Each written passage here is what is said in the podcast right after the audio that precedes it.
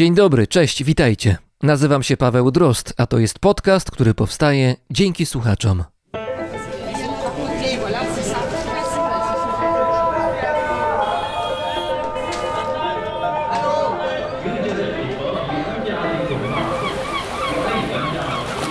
Brzmienie świata z lotu Drozda.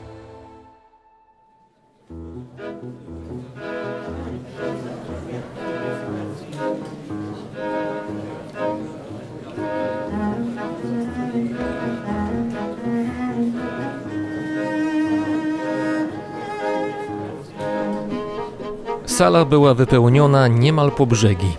W powietrzu unosiło się napięcie, fachowo skrywane przez obecnych na miejscu ludzi.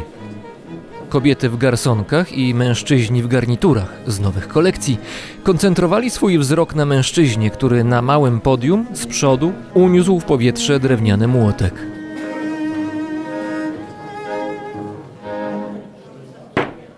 Sprzedane. Średniej wielkości obraz przedstawiający kobietę o rubensowskich kształtach znalazł właśnie nowego właściciela. Dwóch mężczyzn, stojących jak dotąd z boku sali, podeszło do obrazu i z widoczną ostrożnością wyniosło obraz na zaplecze domu aukcyjnego. Tam zostanie zabezpieczony i zapakowany. Będzie czekać na wpłatę ze strony kupującego.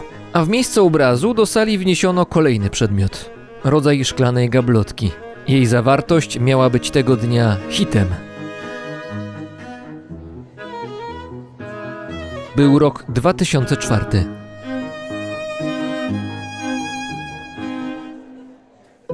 Aukcjoner prowadzący aukcję rozpoczął prezentację obiektu, który za chwilę zostanie poddany licytacji. Był to zestaw ugryzionych zębem czasu papirusów. Na nich widoczne były trzy kolumny tekstu pisanego starożytną greką, dwa duże rysunki przedstawiające profile brudatych mężczyzn oraz na odwrocie kilkadziesiąt innych rysunków, innymi zwierząt. Cennym elementem tego zestawu był fragment mapy.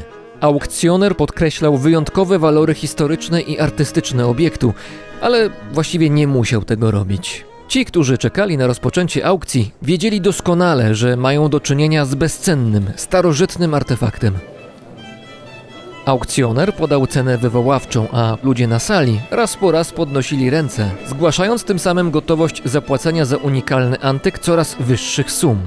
W końcu, gdy cena osiągnęła pułap gwarantujący właścicielom domu aukcyjnego bardzo godziwy zarobek, na placu boju został tylko jeden gracz. Campania San Paolo Art Foundation. Ta fundacja, która reprezentowała pewien bank w Turynie, zaproponowała kwotę 2 milionów 750 tysięcy euro. Aukcjoner poczekał jeszcze chwilę i uderzył młotkiem. Sprzedane. Przedstawiciele włoskiej fundacji uścisnęli sobie ręce zadowoleni z zakupu. Dzieło greckiego geografa trafi do Turynu i będzie perłą w koronie w kolekcji ich pracodawcy. 14 lat później okaże się, że były to najgorzej wydane pieniądze w ich życiu.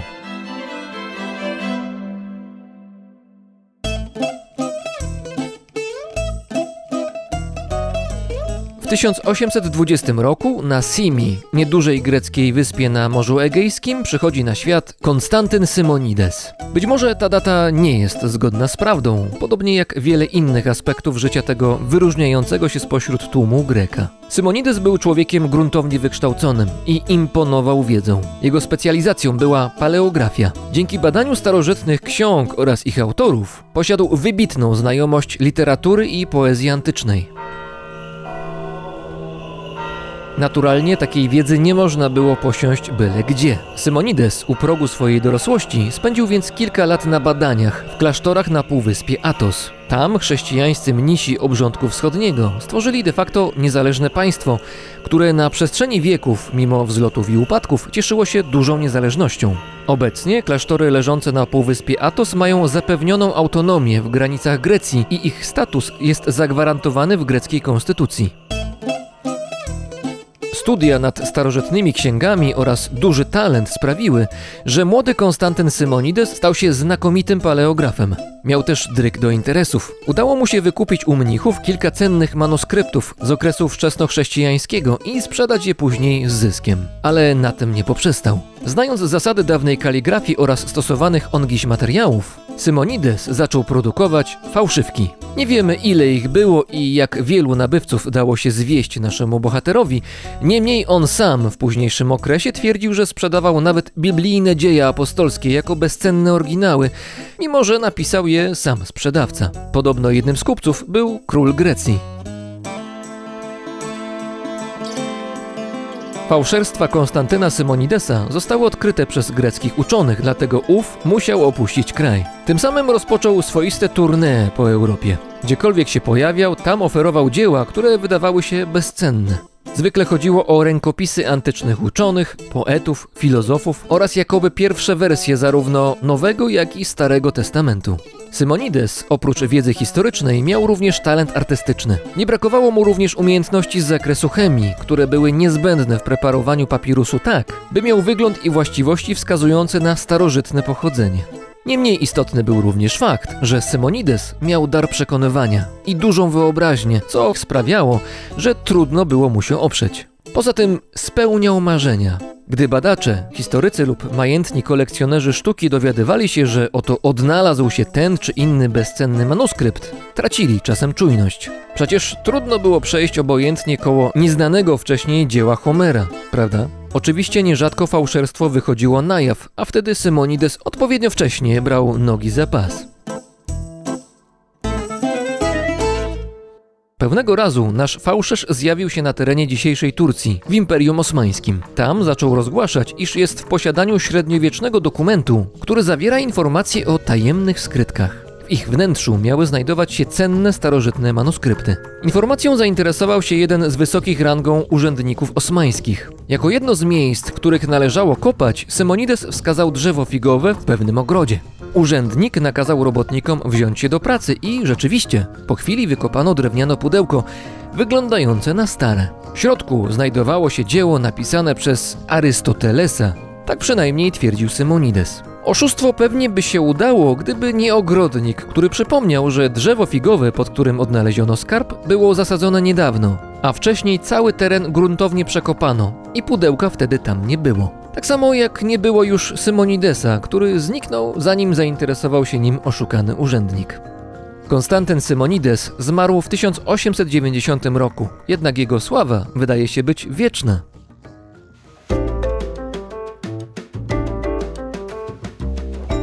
W latach 90. XX wieku na rynku sztuki pojawił się obiekt, który zelektryzował historyków. Oto odnaleziono fragmenty dzieła spisanego przez Artemidora z Efezu. Był to podróżnik, polityk i jeden z pierwszych geografów Europy, żyjący w II wieku przed naszą erą. Artemidor z Efezu był autorem gigantycznego, 11-tomowego dzieła, które było spisem ówczesnego stanu wiedzy na temat geografii wraz z podbudową historyczną. Na kartach swoich ksiąg geograf utrwalił państwa basenu Morza Śródziemnego, północnej Afryki oraz Azji Mniejszej, a także Indii. W jego dziele odcisnął się świat takim, jakim widzieli go starożytni. Do współczesnych czasów przetrwało tak niewiele, że informacja o wystawieniu na aukcji fragmentów słynnego dzieła postawiła na nogi kolekcjonerów sztuki i historyków na całym świecie. Zgodnie z oficjalną wersją, papirus odnaleziono w XIX wieku, gdy pełnił funkcję wypełniacza dla mumii zwierzęcia. Potem zakupił go pewien majętny Turek, a następnie manuskrypt zaginął podczas II wojny światowej. Odnalazł się w Egipcie w latach 70., aż sprzedano go do Niemiec. Tu, wysiłkiem wielu fachowców, odrestaurowano zniszczony papirus i w 2004 roku wystawiono na aukcji. Dzieło kupili Włosi za gigantyczną sumę 2 milionów 750 tysięcy euro. Wkrótce jednak niektórzy historycy zaczęli podważać oryginalność papirusu, inni natomiast przedstawiali argumenty na jego obronę. Gorąca dyskusja trwała latami, aż w 2018 roku prokuratura w Turynie po długim śledztwie ogłosiła wyrok. Autorem papirusu nie mógł być Artemidor z Efezu. Badania wykazały, że atrament czy tusz nie pochodził z czasów starożytnych. Poza tym na papirusie znaleziono ślady procesów chemicznych z udziałem cynku i kwasu, które najpewniej wykorzystano do sztucznego postarzenia papirusu. Technika ta znana była fałszerzom w XIX wieku. Biorąc pod uwagę niekwestionowaną doskonałość wykonania podróbki, głównym podejrzanym został nasz znajomy Konstantyn Simonides.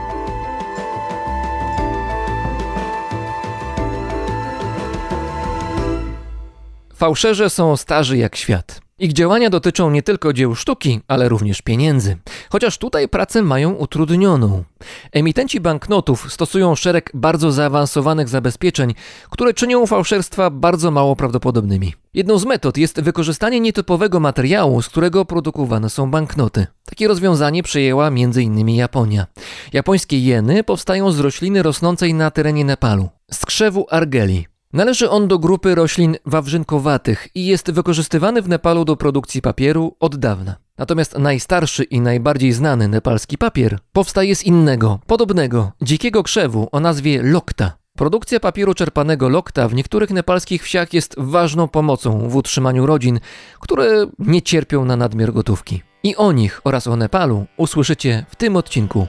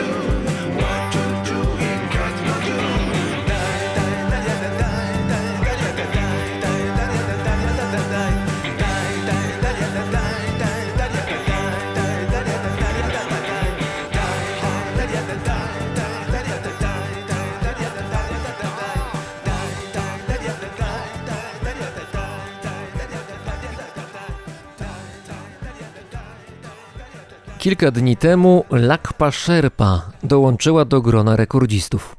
Po raz dziesiąty weszła na szczyt Everestu, co jak dotąd nie udało się jeszcze żadnej kobiecie. Lakpa Sherpa ma 48 lat, tak mówią jej dokumenty, ale jak jest w rzeczywistości, nie wie nawet sama zainteresowana. Urodziła się w oddalonej od miast nepalskiej wiosce, gdzie problemem było nie tylko to, kiedy dokładnie dane dziecko się urodziło, ale co wrzucić do garnka, żeby rodzina miała co jeść. Dzisiaj Lakpa Sherpa mieszka w Stanach Zjednoczonych i nie ma tylu zmartwień, które wcześniej mieli jej rodzice. Jednak większość Nepalczyków nie ma w życiu tyle szczęścia. Dla nich każdy dzień jest wyzwaniem, szczególnie w ostatnim czasie. Razem z nami w Krakowie jest szefowa fundacji Szkoły na końcu świata, autorka wydanej kilka lat temu książki Daleko buddyjskie królestwo Mustangu oraz regularna bywalczyni Nepalu, czyli Magdalena Gołębiowska-Śmiałek. Witaj, dzień dobry. Dzień dobry, miło mi. Lakpa Sherpa weszła na Everest, ale zdaje się, że niewiele osób mogło być świadkami jej sukcesu.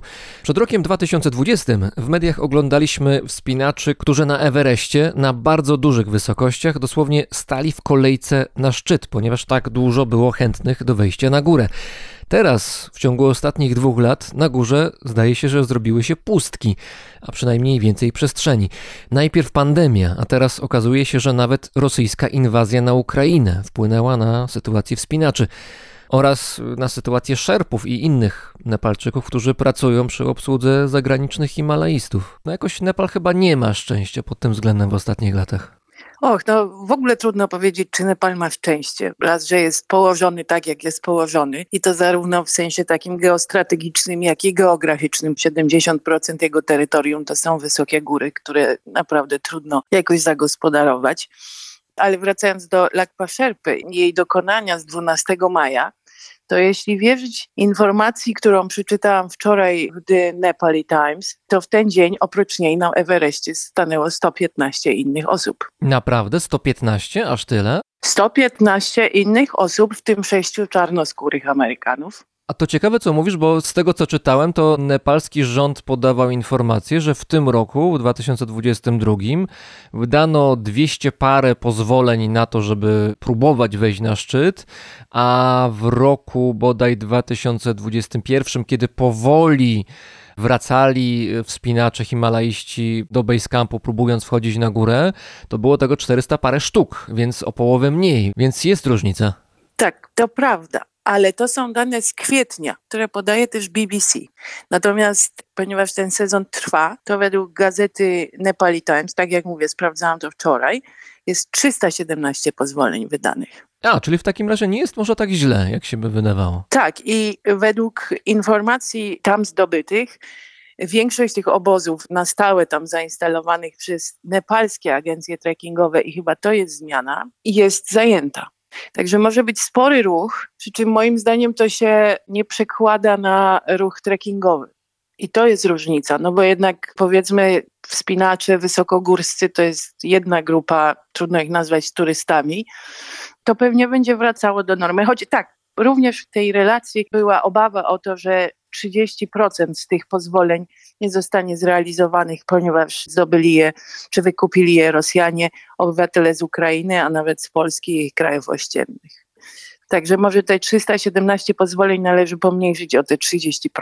Wspomniałaś o tym, że trudno powiedzieć, czy Nepal ma szczęście, czy nie ma szczęścia, bo to jest pytanie skomplikowane, wielopłaszczyznowe na pewno, ale troszkę się nad nim pochylmy, ale właśnie w kontekście kwestii wspinaczkowych, himalajskich czy trekkingowych szerzej. Jak to Nepal zmienia i zmieniło w ciągu ostatnich 20, 30, 40 lat? Czy jesteśmy w stanie w ogóle narysować tę krzywą zmian właśnie w związku z tym, że obcokrajowcy się zaczęli pojawiać coraz częściej w Nepalu? Tutaj mam na myśli może na początek jeszcze lata 60., 70., hipisi, dzieci kwiaty, potem na fali tego też później się pojawili tak zwani backpackersi, czyli po prostu turyści, którzy niskobudżetowo się tam pojawiali i to masowo, bo Nepal nie należy do drogich krajów. Potem się zwiększyła turystyka wspinaczkowa, trekkingowa. I co się dalej z Nepalem w związku z tym dzieje? No, ruch na Everestie czy wokół Everestu, taki zmasowany, to jest początek lat 90. I to jest początek tego biznesu trekkingowego. Przy czym, co to znaczy początek biznesu trekkingowego? Przecież na początku to były bardzo proste trekkingi, nie było żadnej bazy noclegowej, w związku z czym wszystko trzeba było nosić na plecach i rozumiem, że ta turystyka rozwijała się mimo wszystko wolno. Ja znam relacje osób, które zaczęły jeździć od lat 70. do Nepalu i no, przede wszystkim w ogóle nie było żadnej infrastruktury drogowej. Przecież droga z Katmandu do Pokhary jest zbudowana w drugiej połowie lat 70. Zbudowali ją Chińczycy. W zamian zresztą za to, że rząd Nepalu zgodził się zmusić kampów, czyli partyzantów tybetańskich do złożenia broni. Bo kampowie na terenie Nepalu, bardziej na terenie Mustangu może, czyli w części Nepalu, mieli swoje bazy, gdzie byli między innymi wspierani przez CIA, i czy to pieniędzmi, czy to sprzętem, zdaje się chyba też, i stamtąd robili wypady na tereny Tybetu, który wtedy już leżał w granicach Chin. Tak, od 59 roku został zdominowany przez Chiny. Ja znam taką relację z wyprawy samochodem z Polski do Nepalu podjętej przez badaczy geologów z AGH krakowskiego. W 75 roku im się udało dojechać właśnie do Pokary i później stamtąd wokół Anapurny wędrowali z Pokary z dołu dookoła tej Anapurny na piechotę, co im zajęło 21 dni. Musieli spać oczywiście w namiotach i prawie całe jedzenie nieść ze sobą. No teraz trekking wokół Annapurny nazywany jest od wielu, wielu lat trekkingiem Coca-Cola, bo jest w ogóle prosty technicznie i w zasadzie można go całkiem luksusowo w tej chwili, jak na nepalskie warunki, przejść. Ja zresztą obserwuję tą zmianę. Pierwszy raz byłam tam w tej okolicy w 2010 roku i pamiętam, jak proste były warunki w tych lodżach, w których się spało, a pamiętam, jak byłam zdziwiona poziomem tych usług w roku 2018, kiedy byłam tam po raz ostatni. Chciałbym zrobić małą dygresję, jeżeli pozwolisz. Jaka jest różnica między trekkingiem a spacerem? Bo nie wiem, czy zauważyłaś taką drobną tendencję. To chyba na Instagramie najbardziej widać polskim, że ludzie wybierają się w Polsce na przykład na trekking wzdłuż Wisły. Idą na przykład, nie wiem, 15 kilometrów i trekking wzdłuż Wisły. Gdzie się kończy spacer, zaczyna się trekking? Nie wiem, trekking mnie się kojarzy z górami, no jednak z jakimś wysiłkiem mozolnym, fizycznym, trwającym w czasie, ale trekkingiem może być też przejście z Beskidu Niskiego w Bieszczady. Trekking musi mieć jakiś cel wędrówki, ale mi się kojarzy trekking z pewnym mozołem i z obcowaniem z jakąś przyrodą nie do końca znaną i odkrywaniem czegoś nowego dla siebie. Wróćmy może jeszcze do tego Everestu i tego, co się tam teraz dzieje. Bo to, co przeczytałam i to, czego się dowiedziałam od znajomych, którzy w tej chwili nawet są w Nepalu i wracają do swojego biznesu prowadzenia ludzi w góry, to jest ciekawe, że w tej bazie pod Everestem jest teraz kilka osób, które są powiedzmy z tego rejonu świata.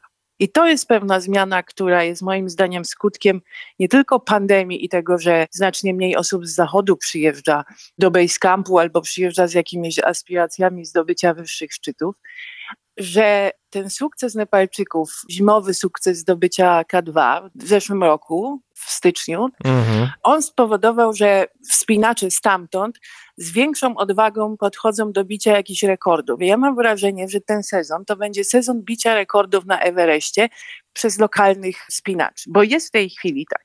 Chinka z Hongkongu, która ma zamiar pobić rekord i zdobyć Monteverest z base campu w mniej niż 22 godziny. Jest również Pakistańczyk z Lahore, który ma 20 lat, no i już ma na swoim koncie spore sukcesy w zdobywaniu ośmiotysięczników i ma nadzieję zostać w tym roku najmłodszym spinaczem, który zdobędzie wszystkie 14 ośmiotysięczników. Może to jest ta zmiana.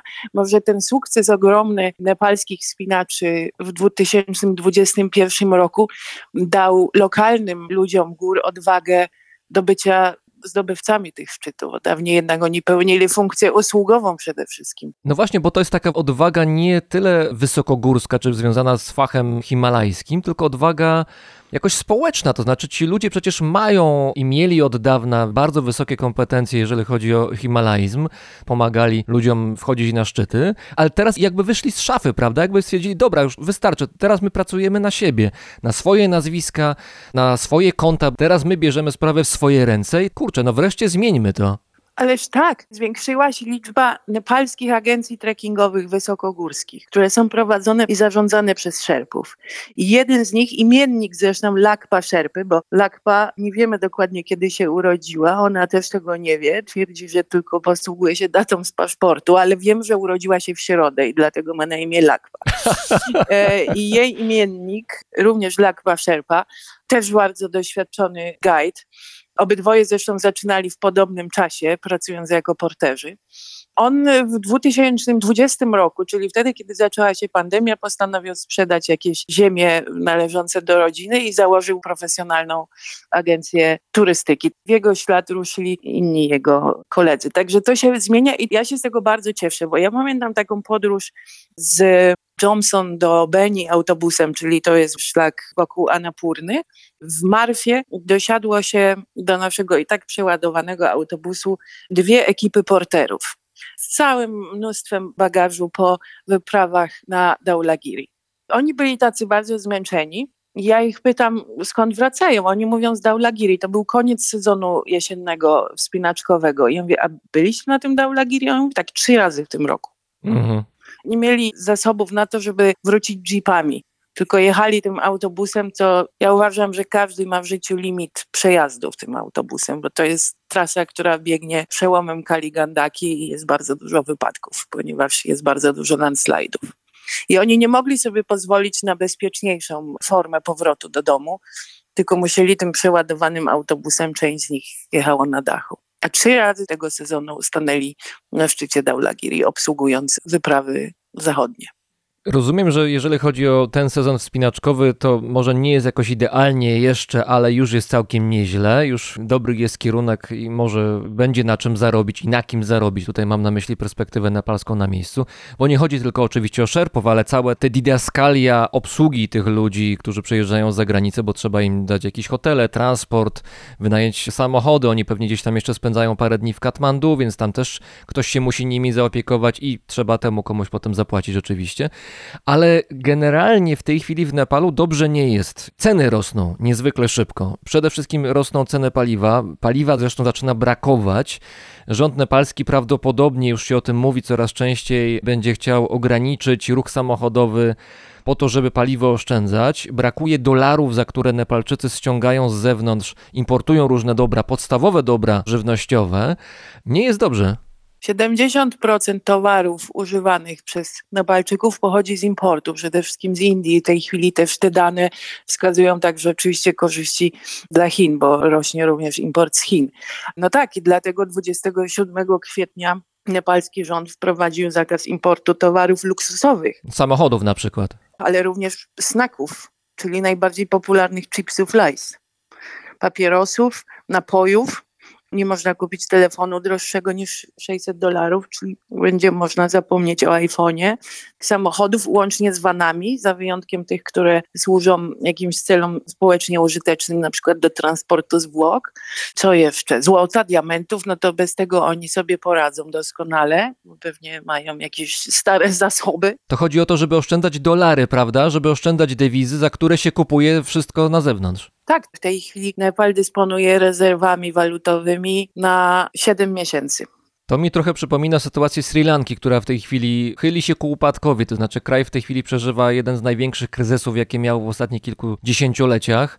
Była o tym mowa kilka odcinków temu w Brzmieniu Świata, to polecam, tam jest dokładnie wytłumaczona sytuacja tego kraju, ale tam też jeden z głównych problemów Sri Lanki polegał na tym i polega dalej, że to jest kraj uzależniony od importu. I teraz pytanie, czy Nepal ma szansę jakoś z tego wyjść? No turystyka jakoś może się odradza, może ta turystyka pociągnie trochę gospodarkę. Z pewnością tak. Znaczy, właśnie nie wiem, czy możemy powiedzieć z pewnością. Zostawmy na chwilę turystykę, bo trudno przewidzieć, czy ona faktycznie odrodzi się na tyle, aby móc zrekompensować straty wywoływane pandemią. Zacznijmy od tego, że Nepal jest jednym z najbiedniejszych krajów świata. Ponad połowa budżetu przeznaczonego na rozwój tego kraju od początku XXI wieku pochodzi od darowizn, bo to nawet nie są pożyczki czy granty, które wpływają do nepalskiego rządu z zagranicy. I zależność od tego rodzaju pomocy rośnie od pierwszej dekady naszego stulecia. I teraz to, co się dzieje na skutek wydarzeń na świecie, powoduje, że ta pomoc jest z roku na rok coraz mniejsza. I tak jak w 2015 roku było to straszne trzęsienie ziemi, które spowodowało, że zginęło 19 tysięcy osób, 160 tysięcy zostało rannych, zniszczone zostały domy, Dolina Katmandu ucierpiała, ucierpiała infrastruktura i tak dalej, i tak dalej. Ale napływ pomocy do Nepalu, tej zewnętrznej, która pozwoliła stosunkowo szybko zalać tą dziurę wywołaną katastrofą, był stały i miał tendencję wzrostową. A w tej chwili jest inaczej. I dlatego przyszłość tej gospodarki no, może być taka jak na Sri Lance, że po prostu zabraknie przypływu pieniędzy. To są głównie pieniądze amerykańskie i chińskie, czy jakieś inne jeszcze? Tak, w tej chwili Amerykanie, i to jest pewna nadzieja, w kwietniu podpisali umowę wartą 500 milionów dolarów. To będzie taki duży grant w inwestycje, która do tej pory była jakby domeną chińską, czyli w tą taką infrastrukturalną w postaci hydroelektrowni, dróg i mają być te środki zaangażowane w rozwój tych prowincji, które właśnie też nie mają szans za bardzo na przychody z turystyki. Bo przecież Nepal to nie jest tylko Everest, Annapurna, ale także tereny znacznie mniej zeksplorowane i na wpół dzikie. Skoro już wspomniałaś trzęsienie ziemi z 2015 roku, to minęło 7 lat mniej więcej od tego kataklizmu. Na ile Nepal się podniósł po tej katastrofie? Na ile jeszcze ta katastrofa, jej skutki są odczuwane wśród ludzi? One są odczuwane w absolutnie ludzkim znaczeniu, czy były, pamiętam w 2018 roku, kiedy byłam w Nepalu, ja po raz ostatni, ponieważ no, wiele osób utraciło swoich bliskich, w związku z czym póki żyje pamięć o tych ofiarach, trzęsienie ziemi istnieje we wspomnieniach. Ale już w 2016 roku trzęsienie ziemi przeszło do, w takim wymiarze budzenia się do życia, do historii. To znaczy, wszystko jest już naprawione, wszystkie domy, które były zniszczone, stoją tam, gdzie stały, infrastruktura normalnie funkcjonuje?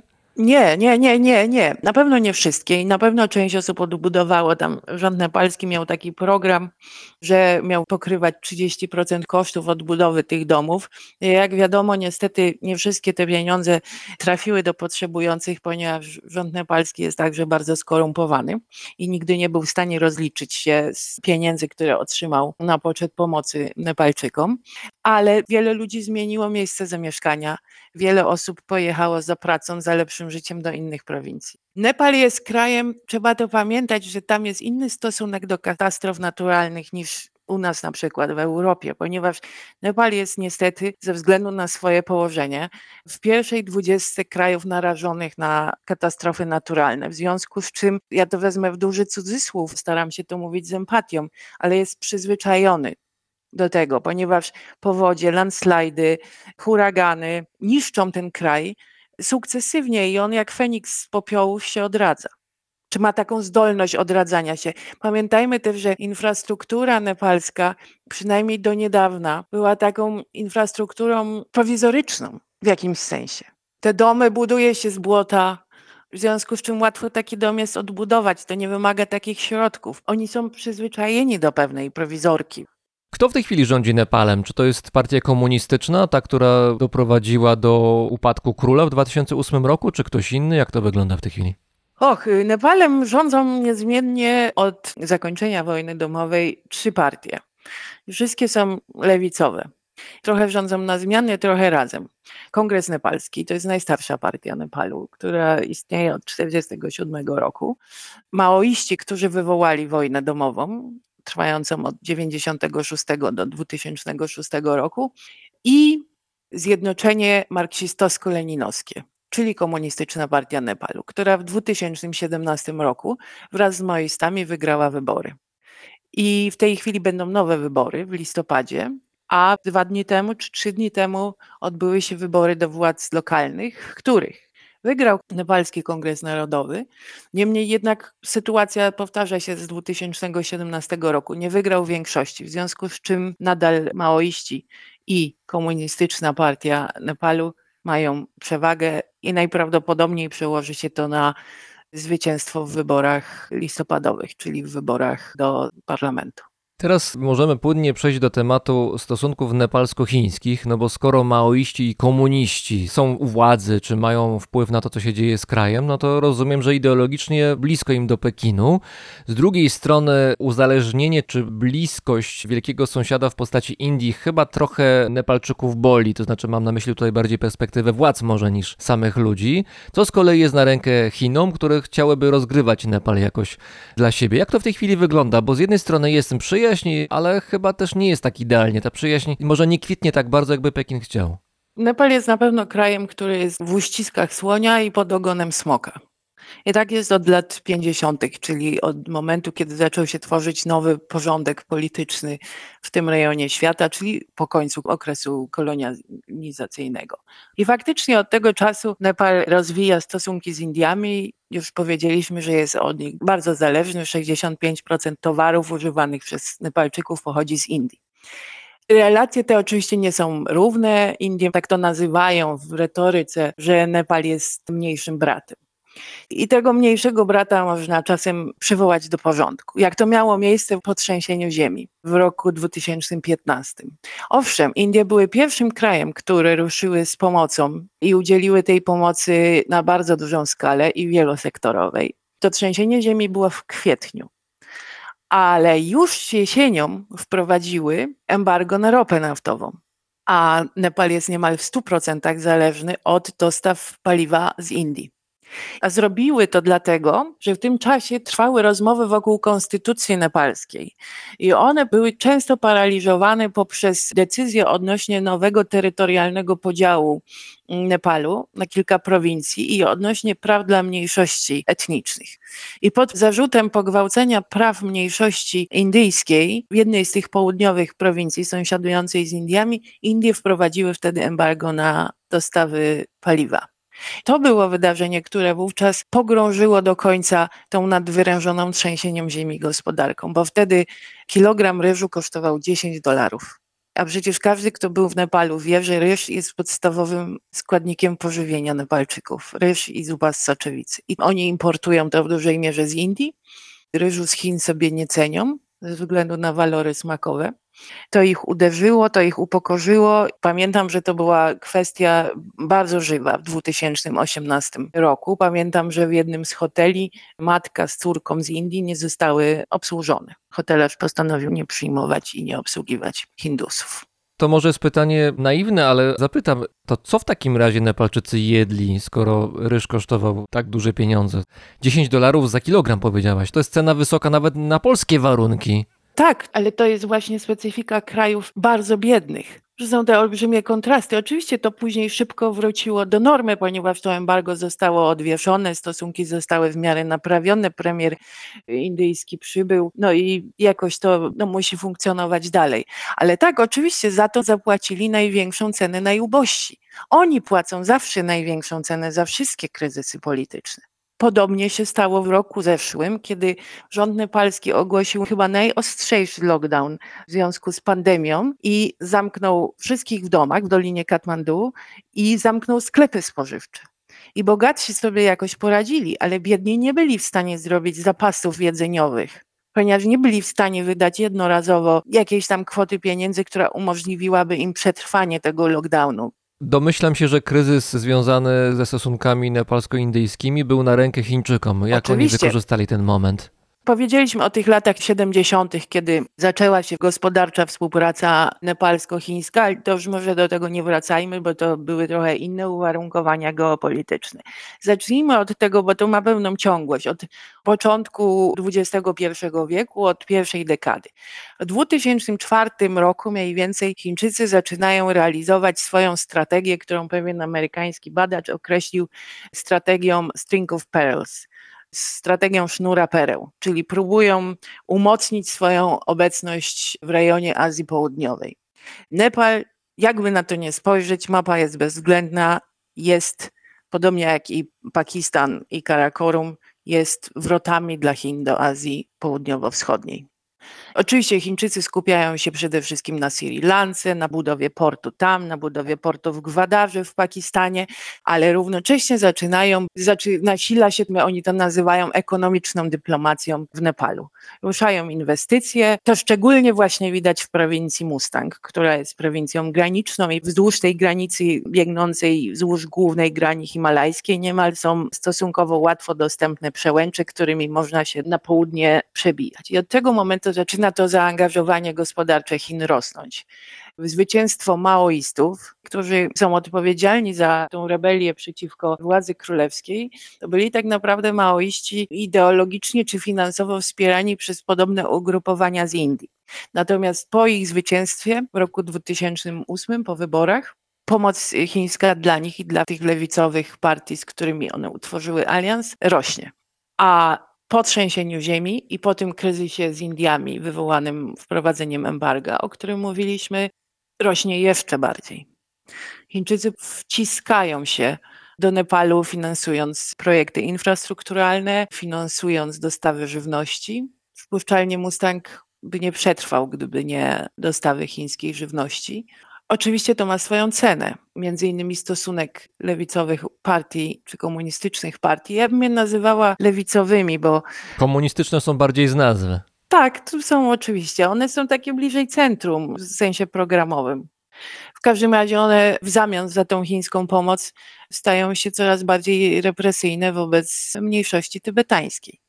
Szczególnie to było widać w trakcie zamieszek protestów ulicznych wywołanych przez mniejszą diasporę tybetańską w Katmandu, która została w czasie igrzysk w Pekinie została brutalnie spacyfikowana przez armię czy policję nepalską. To była pokazówka, ponieważ zaraz potem do Nepalu przybył przewodniczący z programami pomocowymi.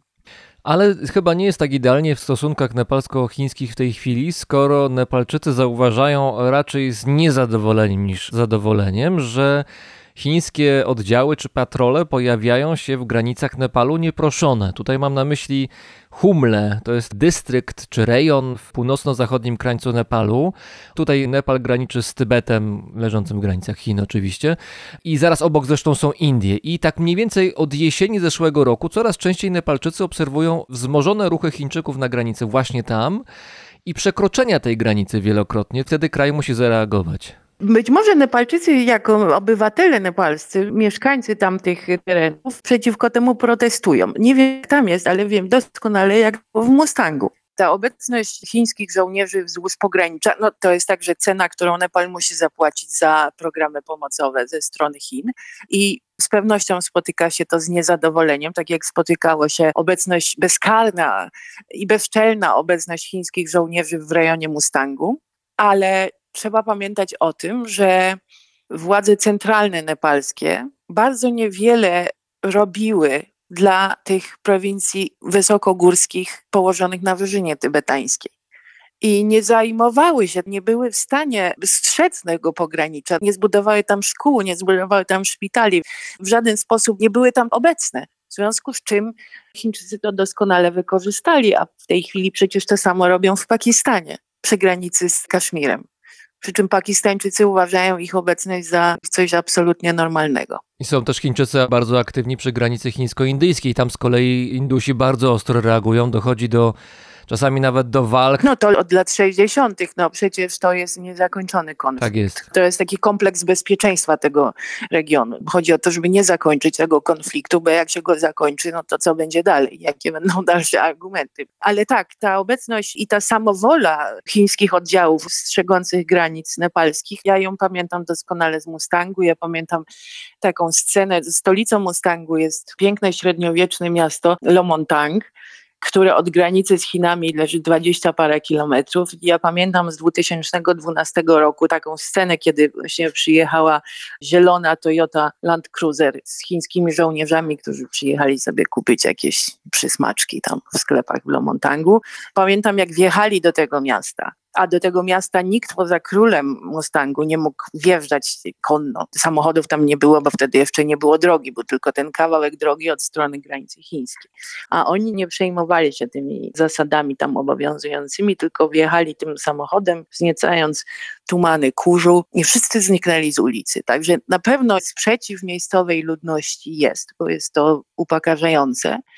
Tym bardziej, że ci pogranicznicy chińscy, oni mają nawet problem z tym, jak stada i pasterze przechodzą przez granicę, a przecież jaki mają jakiś swój jaczy instynkt i wiedzą, gdzie jest trawa, na której pasły się poprzednie pokolenia tych jaków i sobie lubią wędrować w tych strefach przygranicznych, ale tego w tej chwili robić nie wolno i też widziałam taką scenę, kiedy pogranicznicy chińscy wymierzyli swoje karabiny w kierunku pasterzy, którym te stada się rozpierzchły na drugą drugą stronę, nieopatrznie.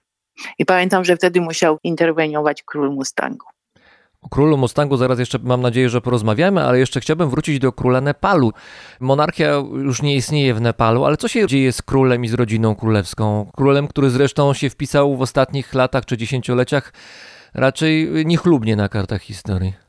Tak, no ja w ogóle nie wiem, czy któryś z ostatnich, mówię ostatnich, czyli władających Nepalem królów od lat 50. się wpisał dobrze w historię Nepalu, albo jakoś długotrwale dobrze, bo na przykład Tribhuvan on podejmował jakieś reformy w latach 50., między innymi rozpoczął reformę szkolnictwa, ale po ośmiu latach zrezygnował już z demokratycznych zapędów i zwrócił się z powrotem w kierunku autorytaryzmu. No i tak samo było z tymi ostatnimi królami, bo to był król Birendra, który został zamordowany niemal z całą rodziną w krwawym zamachu w 2002 roku.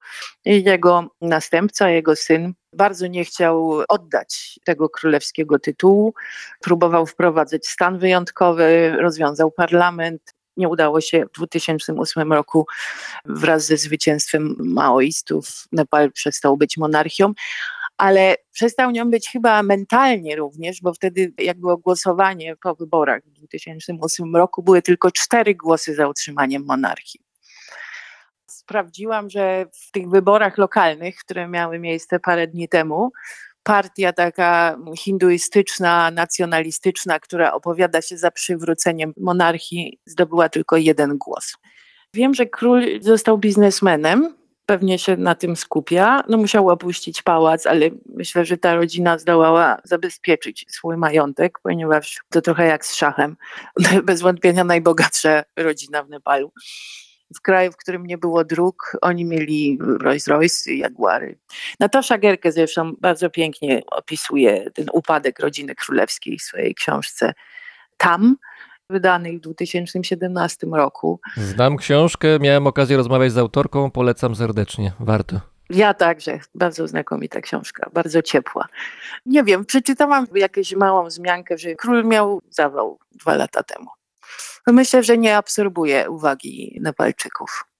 A co z królem Mustangu w takim razie? Król Mustangu, Jigme Dorje Pal Barbista umarł, i to był ostatni król Mustangu, umarł 2016 roku. Oczywiście on także na skutek rewolucji, jak wszyscy inni lokalni książęta władający tymi ziemiami na pograniczu z Tybetem, także został pozbawiony uprawnień królewskich, natomiast w odróżnieniu do króla nepalskiego on był przez swój lud kochany i był traktowany jako powiedzmy duchowy przywódca tej prowincji, no aż do swojej śmierci.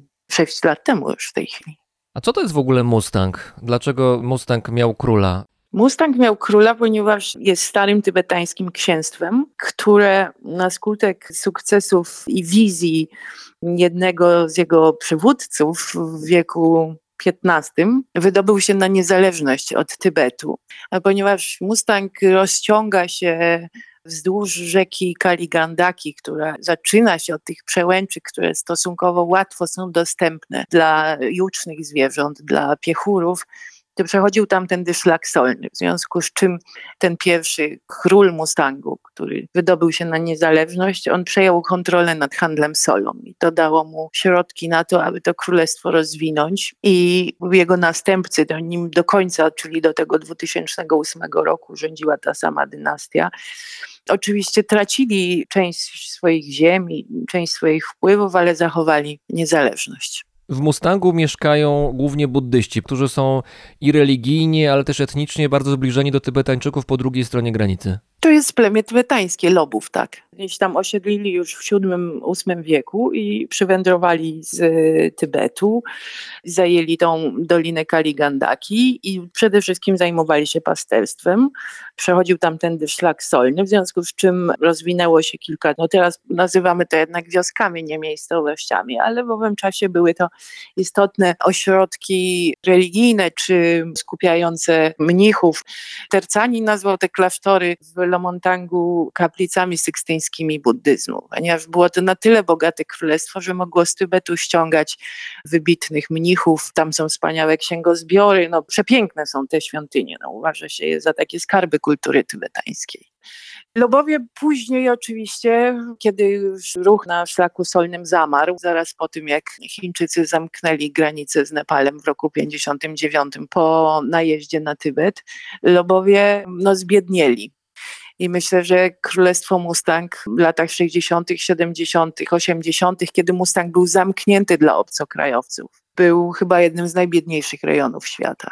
Bo Mustang był otwarty dla turystyki zewnętrznej, zagranicznej dopiero w 1992 roku, prawda? Tak, i to na początku to była bardzo ograniczona liczba permitów, czyli tych pozwoleń turystycznych. W pierwszym roku chyba 160 osób mogło wjechać, nie mogli korzystać turyści z usług lokalnej społeczności. Wszystko należało nieść ze sobą i zawsze trzeba tam podróżować z przewodnikiem.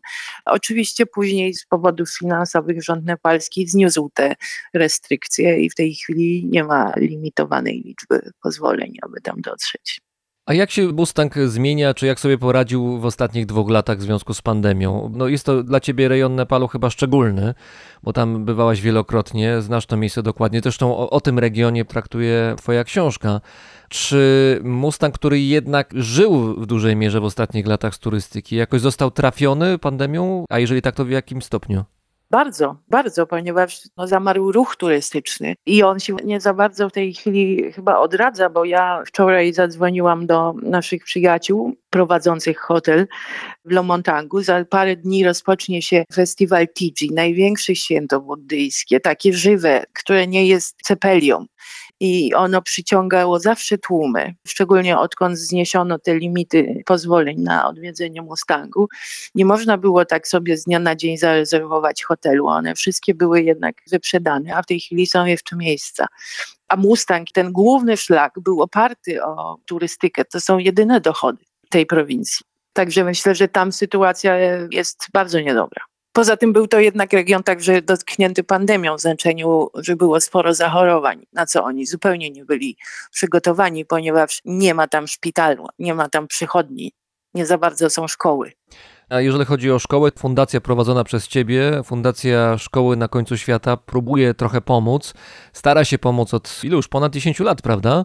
Tak. Wspieracie tam dzieciaki na miejscu. 11 lat realizujemy nasz program Stypendia na lepszą przyszłość. Staramy się zapewniać środki na wykształcenie ponadpodstawowe i zawodowe dla dzieci wywodzących się z takiej fantastycznej szkoły podstawowej z internatem, która mieści się na granicy Górnego i Dolnego Mustangów, tuż u stóp Annapurny. No tak, bo nie powiedzieliśmy, że są właśnie dwa Mustangi, jest górny i dolny. Tak, bo przez całe wieki Mustang był jeden ale został podzielony na górny i dolny. Dolny to jest, no jak sama nazwa wskazuje, bliżej Pokary, cały czas wzdłuż Kaligandaki, a górny, no to było przyjemnie go zamknąć, ponieważ no raz, że był zamknięty też z powodu tych relacji chińsko-tybetańsko, to była strefa przygraniczna jednak, pilnie strzeżona trudno dostępna, bo nie było tam żadnej drogi, to też powiedzieliśmy. No ale przede wszystkim fakt podzielenia tych dwóch prowincji spowodował, że można było te permity sprzedawać, a to jest najdroższy permit w Nepalu. Także ten podział warto było z punktu widzenia Ministerstwa Turystyki utrzymać. Skoro już 11 lat działa Twoja fundacja, Fundacja Szkoły na końcu świata, to podejrzewam, się pewny jestem, że część dzieciaków, które wtedy dzieciakami były, to teraz to są już dorośli ludzie. Masz z nimi kontakt? Co się z nimi dzieje? No doczekaliśmy się studentów. Mam z nimi kontakt, ponieważ obserwuję ich życie niemal tak jak życie mojej córki, bo gdyby nie moja córka, gdyby nie to, że się znalazłam z nią w tym Jarkot w roku 2010 i ona zaprzyjaźniła się z tymi dziećmi w tej szkole, to nie wiem, czy w ogóle powstałaby fundacja. Ale też dzięki temu one mi się stały po prostu bliskie. No i tak jak patrzę, jak zmienia się życie Janiny, która dorasta, tak patrzę na to, jak oni dorastają i jak się zmieniają dzięki temu, że w tych szkołach są. Także tak, doczekaliśmy się studentów. Mam studentów studiujących Dharamsali, medycynę tybetańską już na kursie ponadlicencjackim. To od razu powiedzmy, Dharamsala to jest małe miasteczko, które znajduje się w północnej części Indii i tam znajduje się największa część diaspory tybetańskiej, która na terenie Indii mieszka. Tak, jest to takie święte miejsce dla nich, także No siedziba też Dalaj Lamy. Dalaj Lamy. Tybet na uchodźstwie, także dla nich to jest szalenie ważne w takim wymiarze też kulturowym, że mogą tam przebywać, bo jednak oni identyfikują się z kulturą tybetańską, a nie nepalską. Oczywiście mam też takich studentów, którzy już w tej chwili studiują w jakichś koledżach amerykańskich w Katmandu, w Pokarze, zarządzanie, administrację publiczną i to ma znaczenie, ponieważ jednak ta scena lokalna nepalska się zmienia i oni mają szansę dzięki tej edukacji zdobyć sensowne zawody, a ponieważ są duchowo związani z tymi ziemiami, z których pochodzą, to chcą tam wrócić i wrócą tam z jakimś know-how, z bardzo dobrym angielskim. Także jestem z nich szalenie dumna że tak sobie poradzili. Nikt, nikt z naszych studentów, a mieliśmy ich 12, nikt się nie wykoleił, nikt się nie zatracił. Wszyscy jakoś konsekwentnie te swoje cele realizują a dzięki mediom społecznościowym czy komunikatorom jesteśmy w takim stałym, naturalnym kontakcie. W Mustangu mieszkają głównie buddyści, ale buddyści nie dominują w Nepalu, jeżeli chodzi o grupy religijne. Dominują hinduiści, ale wiesz, ja mam takie wrażenie, że większość z nas, jak słyszymy o Nepalu, to właśnie myśli, że to głównie jest kraj buddyjski, bo przecież jak jacyś himalaiści zagraniczni, czy polscy chociażby, prawda, się wybierają gdzieś tam do Nepalu, próbują jakieś szczyty zdobyć, no to się zwykle pojawi jakiś lama, on tam błogosławi przed wyjściem. I flagi, tak, flagi są flagi modlitewne. Które powiewają na przełęczach. One się za nas modlą Te szaliczki, ja nie wiem jak to się nazywa, Katy. tak właśnie białe na szczęście, czy symbol pokoju, już nie pamiętam, nie jestem specjalistą, ale no, mamy te symbole w oczach, jak mówimy o Nepalu często, ale buddyzm nie jest tam dominujący, dominują hinduiści i to mnie interesuje teraz, jak sytuacja religijna ma się w Nepalu w porównaniu z Indiami, gdzie na styku religijnym jednak co chwilę pojawiają się jakieś co najmniej zgrzyty, jeśli nie konflikty, czasami nawet krwawe, szczególnie na linii hinduiści i muzułmanie, bo muzułmanie też w Nepalu mieszkają. Tak, ale to jest 1%, czy, czy nie, 4%. Muzułmanie 4,5%. Hinduistów jest 81, buddystów 9, chrześcijanie to jest 1%. W Nepalu nie doszło do żadnych poważnych zamieszek na tle religijnym. Nepal jest państwem świeckim, co gwarantuje konstytucja z 2015 roku. A wcześniej jaki był, jak było królestwo, jak rządził król? Nie wiem, czy to w ogóle było w jakiś sposób regulowane, ale to, co myślę, że może być odpowiedzią na Twoje poprzednie pytanie, to jest to, że mam wrażenie, że w Nepalu religia nie jest zinstytucjonalizowana, no bo też i te wyznania nie są wyznaniami instytucyjnymi. W związku z czym siła polityczna religii nie istnieje. W języku tybetańskim w ogóle nie ma słowa religia. Po prostu wszystko jest religią, ale to się odbywa na poziomie indywidualnym. To nie jest jakby duchowość instytucjonalna, tylko indywidualna. I tak to funkcjonuje w Nepalu. Dlatego nie ma konfliktów na tle religijnym, a przynajmniej nie są one jakoś częste i trudno nawet znajdować o tym informacje. Natomiast to, co jest problemem, że jest ta dominacja hinduistów w stosunku do buddystów, jest taka, że po pierwsze hinduizm jest kastowy i to są inne kasty niż w buddyzmie. W związku z czym te mniejszości religijne mogą czuć się dyskryminowane, ponieważ jednak większość dóbr, możliwość awansu społecznego jest zarezerwowana dla tych wyższych kast, które są hinduistyczne. Od zawsze, nawet od czasu tej świetności tego królestwa Mustang, Tybetańczycy byli traktowani jako gorsi. W języku nepalskim mówi się o nich bota, czyli brudni, no bo oni byli zawsze mniej rozwinięci i jednak biedniejsi. Więc to są tego rodzaju animozje. Natomiast nie ma animozji na tle religijnym. Ja mam wrażenie pewnej symbiozy. Poza tym przecież są wspólne miejsca święte dla jednych i dla drugich. Mówi się, że Nepal podąża darmą hinduistyczną i buddyjską. Indyjski premier, jak przyjeżdża do Nepalu, to modli się w Muktinat. To jest kompleks świątyń bardzo, bardzo ważnych dla zarówno hinduizmu, jak i buddyzmu. I on odprawia rytuał zarówno hinduistyczny, jak i buddyjski. Wychodzi z tego, że religia nie jest wprzęgnięta w rywalizację polityczną również, bo to jest problem chyba Indii przede wszystkim. Tam religia ewidentnie jest wykorzystywana przez Narendrę Modiego i jego partię i Oj, no po prostu mówiąc krótko, jedni tak. są szczuci na drugich. Oczywiście, że tak. Tutaj na razie tak nie ma. No jednak też fakt, że te lewicowe partie, które z racji tego, że są lewicowe, są świeckie i myślę, że dlatego właśnie ten zapis w Konstytucji się pojawił. A może właśnie to było jedno z mądrzejszych działań, które zostały przez nich podjęte, żeby oddzielić tą sferę religijności od życia społecznego. Są wspólne obchodzone święta. Przecież w Nepalu jest 221 dni świąt. To chyba się przeprowadzę, bo to jest miejsce, gdzie rozumiem, że nie trzeba dużo pracować.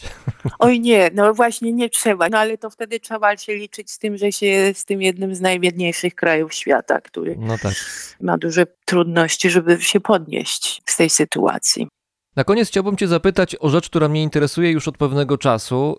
Chodzi mi o Katmandu właściwie przede wszystkim. Jak to miejsce zostało zmienione w wyniku tak intensywnej obecności obcokrajowców? Jak zostało zwesternizowane po tych kilkudziesięciu latach obecności czy Amerykanów, czy Francuzów, czy Brytyjczyków, czy Polaków, czy no wszelkich różnych innych nacji, którzy tam się pojawiają i tam często nawet zostawali, to znaczy to było takie miejsce wypadowe, ale też cel wędrówek, czy podróży, czy wypadów backpackerskich tam na miejsce. Więc podejrzewam, że miasto musiało jakoś odpowiedzieć na to i jakoś się zmienić, tylko jeżeli tak, to w jakim kierunku?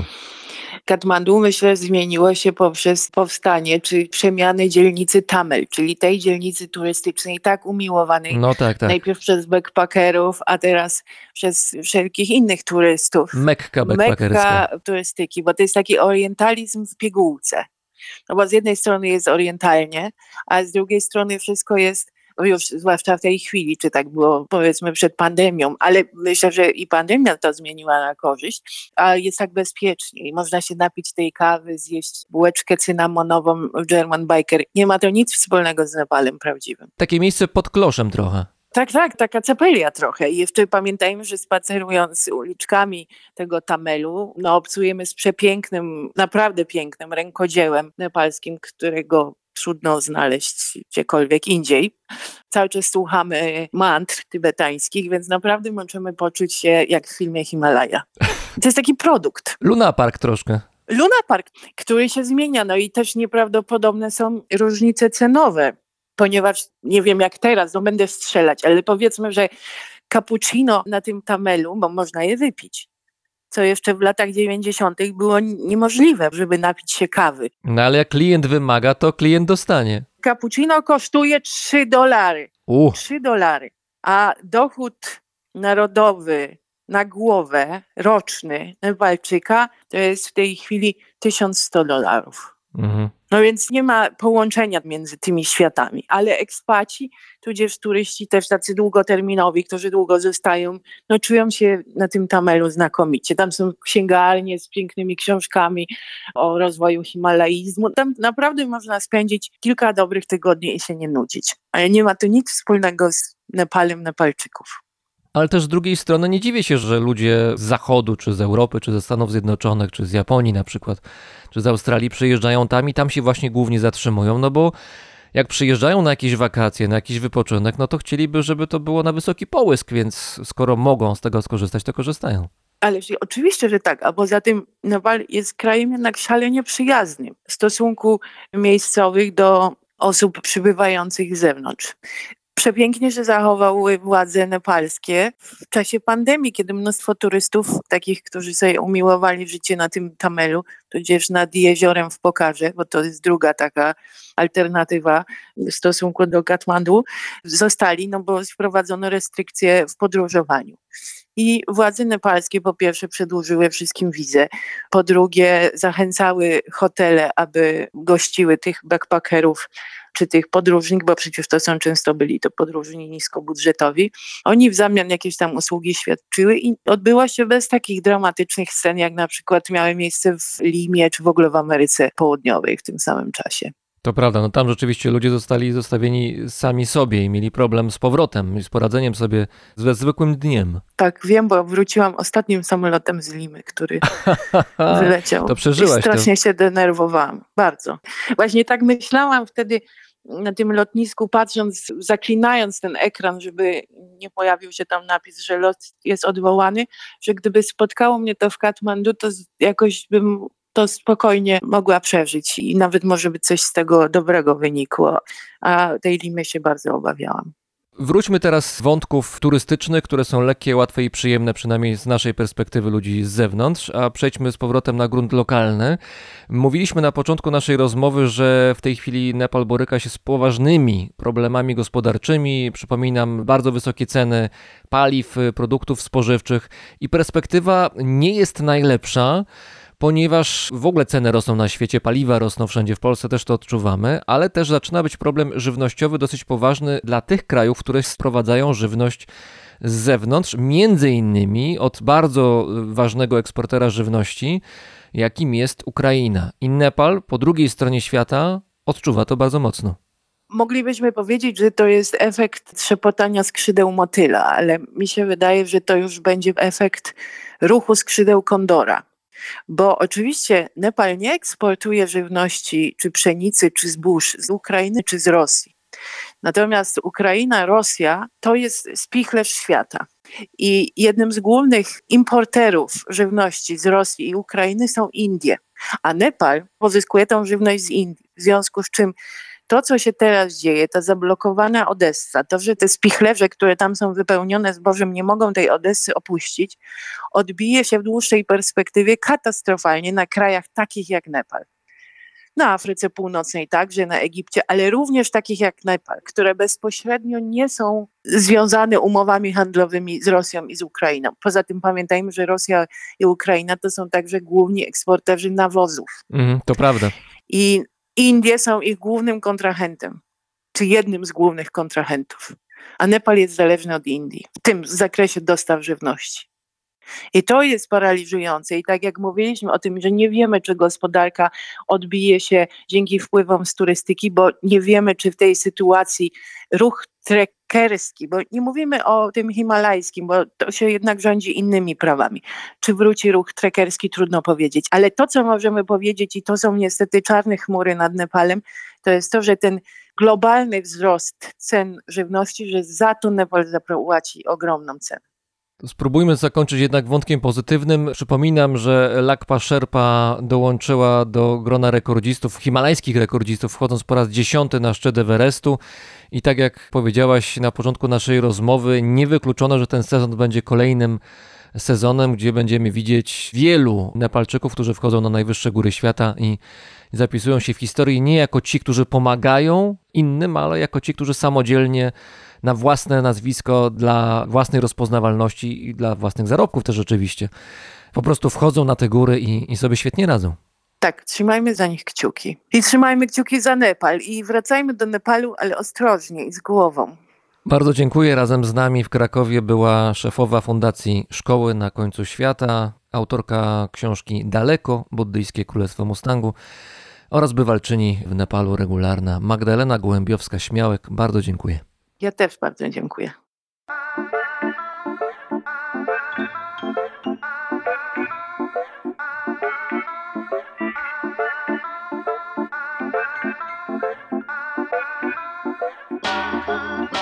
The road will be narrow till the moon gets yellow. Bag lines will have no use. Said the people already choose. Sharpen your arrow through and wake up tomorrow. Ready for trouble, we're gonna struggle. Nation say so. Resistance, everyone I know now. Governmental lie. I see the slopping and say so. Babylon I run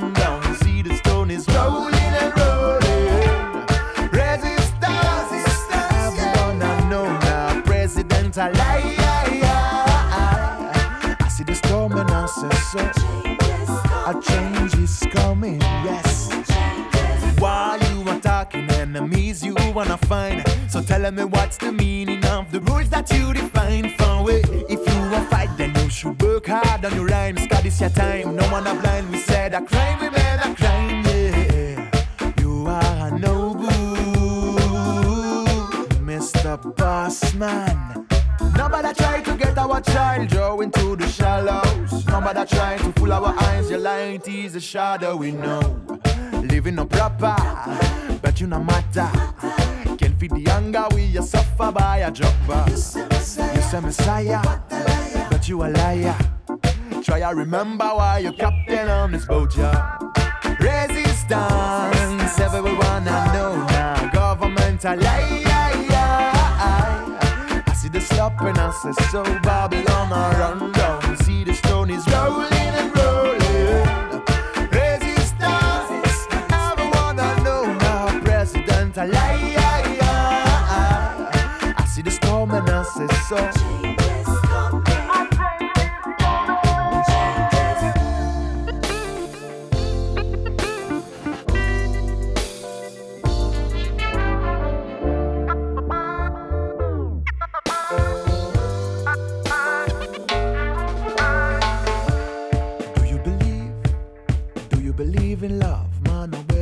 It struggle like my boxing gloves. Do you believe? Do you believe in love? I love, I love, I love, I love, I love, I love, I love, oh, Mr. Officer. It's time now to remember your role. If you can't protect the people, you should step out of the road. Cause revolution is just a rolling like a stone. In your town, in all around, we come fi run over the crown. Yeah. Resistance, everyone I know now. Government a lie. I us is so Babylon. I run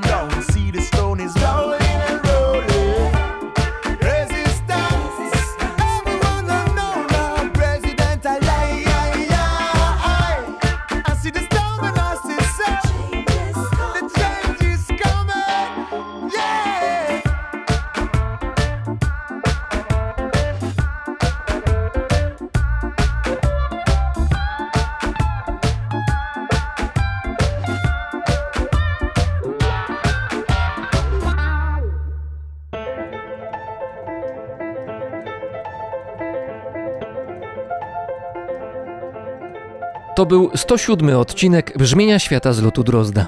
Wszystkie odcinki oraz sam podcast możecie oceniać przy pomocy gwiazdek i polubień na Spotify oraz na innych serwisach streamingowych. Brzmienie Świata powstaje dzięki Wam, dzięki wsparciu słuchaczy na patronite.pl i za tę pomoc serdecznie dziękuję. Dziękuję również światoczułemu patronowi Brzmienia Świata, firmie Ergo Ubezpieczenia Podróży.